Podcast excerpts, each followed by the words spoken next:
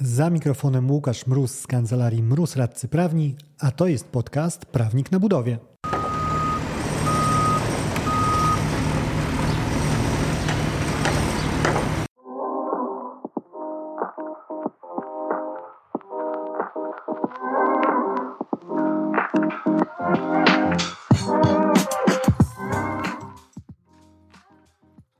Spotkałem się z wnioskiem wykonawcy o podwyższenie wynagrodzenia, do którego po prostu załączony był gruby na 2 cm plik faktur na materiały z ostatnich dwóch lat.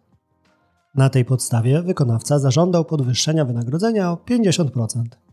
Inny dostawca z kolei napisał wprost, że paliwo wzrosło o tyle procent, a gaz o tyle, więc on jednostronnie zmienia ceny dostarczanych produktów. Wykonawcy niby wiedzą, że mogą domagać się waloryzacji, ale nie mają pojęcia, jak się do tego zabrać. To komentarz pana Grzegorza z grupy facebookowej wykonawcy robót budowlanych, do której serdecznie zapraszam. Grupa jest adresowana do wykonawców zamówień publicznych oraz wykonawców generalnych inwestycji prywatnych. Na Facebooku wykonawcy robót budowlanych. Ale nie o grupie chciałem, a o obserwacjach pana Grzegorza, o jego doświadczeniach no, które dość mocno pokrywają się z doświadczeniami moimi własnymi. Za mikrofonem Łukasz Mróz, a to jest podcast Prawnik na budowie.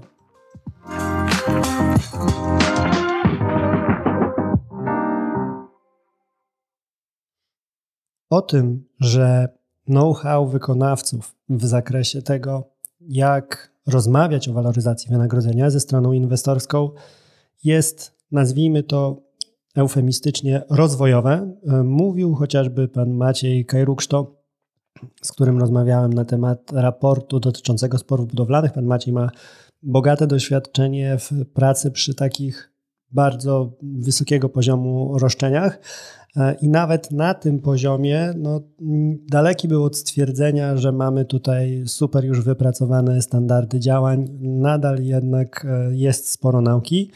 A wiadomo, im niżej w hierarchii rozmiaru przedsiębiorstw, tym tej nauki więcej jest na pewno do włożenia i to e, dotyczy sektora MŚP jak najbardziej. No, dlatego ja sądzę osobiście, że bez takiego uproszczonego narzędzia waloryzacyjnego, ponieważ teraz jest sporo rozmów o tym, jak wyciągnąć sytuację kosztów realizacji inwestycji budowlanych, przynajmniej jeżeli chodzi o sektor publiczny, no to obawiam się, że bez takiego uproszczonego narzędzia, właśnie jeżeli jednym z tych rozwiązań nie byłoby łopatologiczne e, podejście waloryzacyjne, będzie duży problem po stronie tych mniejszych wykonawców, e, żeby w praktyce udało im się spełnić wymogi, które są potrzebne do spełnienia dla e, wywiązania się z właściwych wymogów co do waloryzacji i dla otrzymania tych podwyższonych pieniędzy.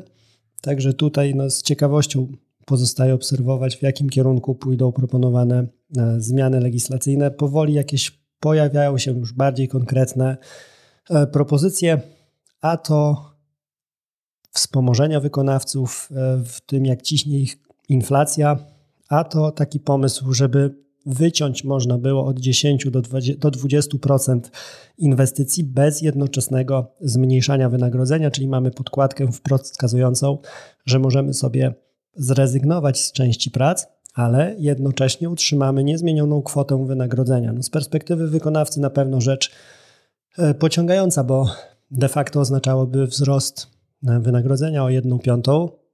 Obawiam się jednak, na ile to będzie sprzedawalne dla zamawiających.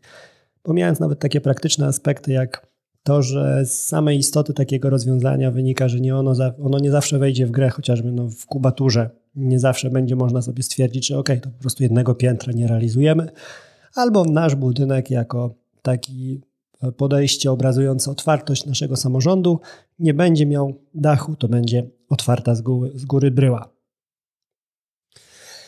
Ale są przypadki, gdzie ok, no może to zagrać, chociażby jeżeli rozmawiamy o jakimś remoncie, infrastruktury, tu powiedzmy, że ok, to wyremontujemy krótszy odcinek niż zakładaliśmy, a ten dłuższy wyremontujemy, jak znajdą się środki.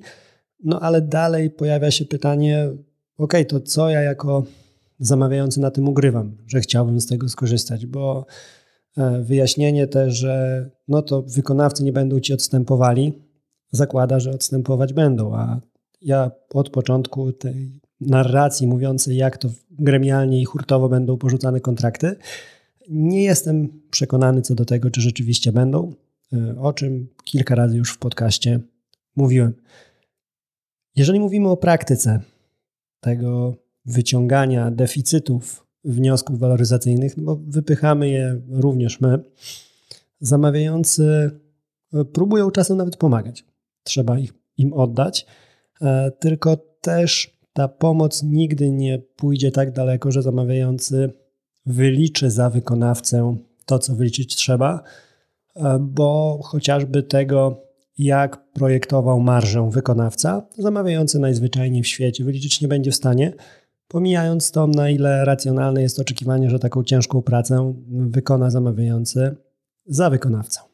Z drugiej strony, dla równowagi i utrzymania takiej lekkiej, chociaż nuty malkontentstwa w tym odcinku, no też nie jest tak kolorowo. Nam zdarzyło się chociażby od najgeneralniejszej z generalnych dyrekcji usłyszeć, że w odpowiedzi na wniosek taki waloryzacyjny, który złożyliśmy, gdzie tam były wykresy, słupki, liczby, sygnatury i co nie tylko, e, to usłyszeliśmy tyle, że no, są przepisy pozwalające zmieniać umowy i jeżeli wystąpią do tego podstawy, to takie przepisy pozwalają zmieniać umowy. Dowiedzieliśmy się bardzo wiele. Było to na tyle inspirujące, że Gabriela, która akurat pracowała nad tym konkretnym tematem, stwierdziła, że chyba widziałaby się e, po stronie Generalnej Dyrekcji jako prawnik, bo to piękna praca musi być. E, usłyszeliśmy też, że zamawiając odmawia waloryzacji, a na marginesie to wskazuje, że on też odczuwa inflację i czeka na pomoc rządu.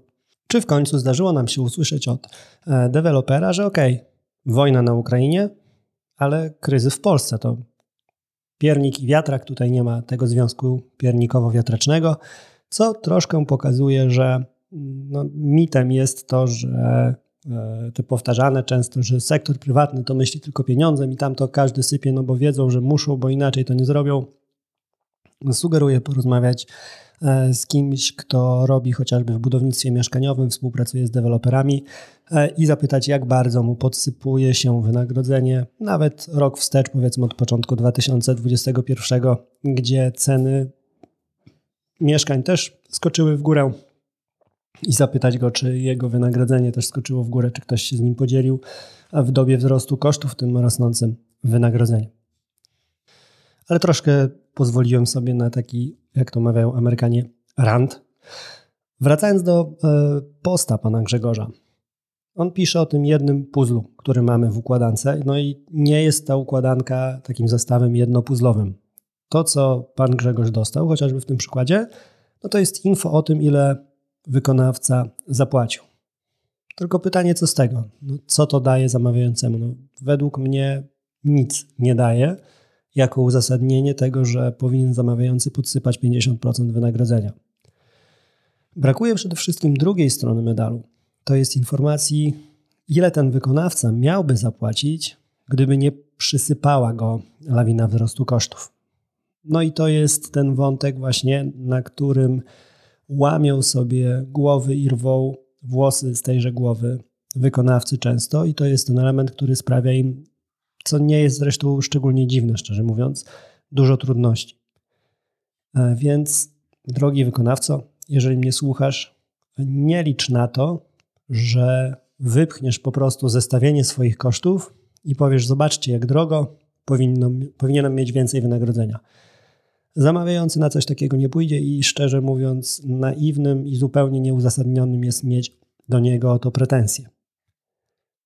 Wchodzi w grę no też szereg takich innych detali, jak na przykład wykazywanie zakładanej marży oraz obrona racjonalności tych założeń, bo gdyby nie było tutaj żadnego hamulca, no to przecież każdy wykonawca pisałby, że on miał zakładaną marżowość robót 80%, więc tutaj rażąca strata wykazywana jest prosto aż miło.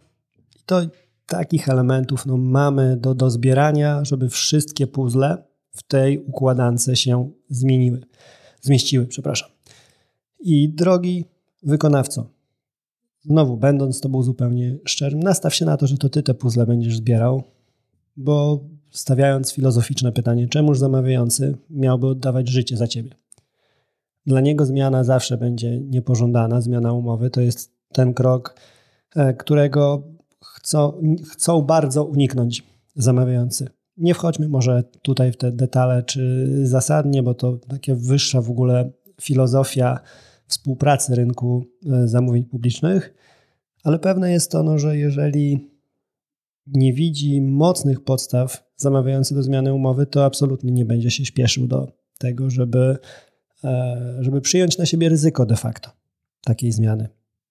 Także im bardziej popracujesz nad udokumentowaniem i im mniej będziesz szedł w kierunku tym, który pan Grzegorz opisał w poście na grupie wykonawcy robót budowlanych na Facebooku, tak, to była kolejna wrzutka, tym większą będziesz miał szansę na zwiększenie wynagrodzenia. Którego to zwiększenia serdecznie Ci życzę i powodzenia w jego uzyskiwaniu. A tymczasem, dzięki za odsłuchanie tego odcinka, słyszymy się w kolejnym.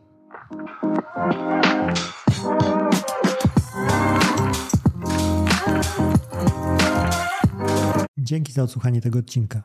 Jeżeli chcesz się ze mną skontaktować, możesz napisać na biuro małpa kancelariamroz.pl albo zadzwonić na 577 665 077. Znajdziesz mnie też w mediach społecznościowych. Na LinkedIn jako Łukasz Mróz, a na TikToku, Facebooku i Instagramie jako Prawnik na Budowie.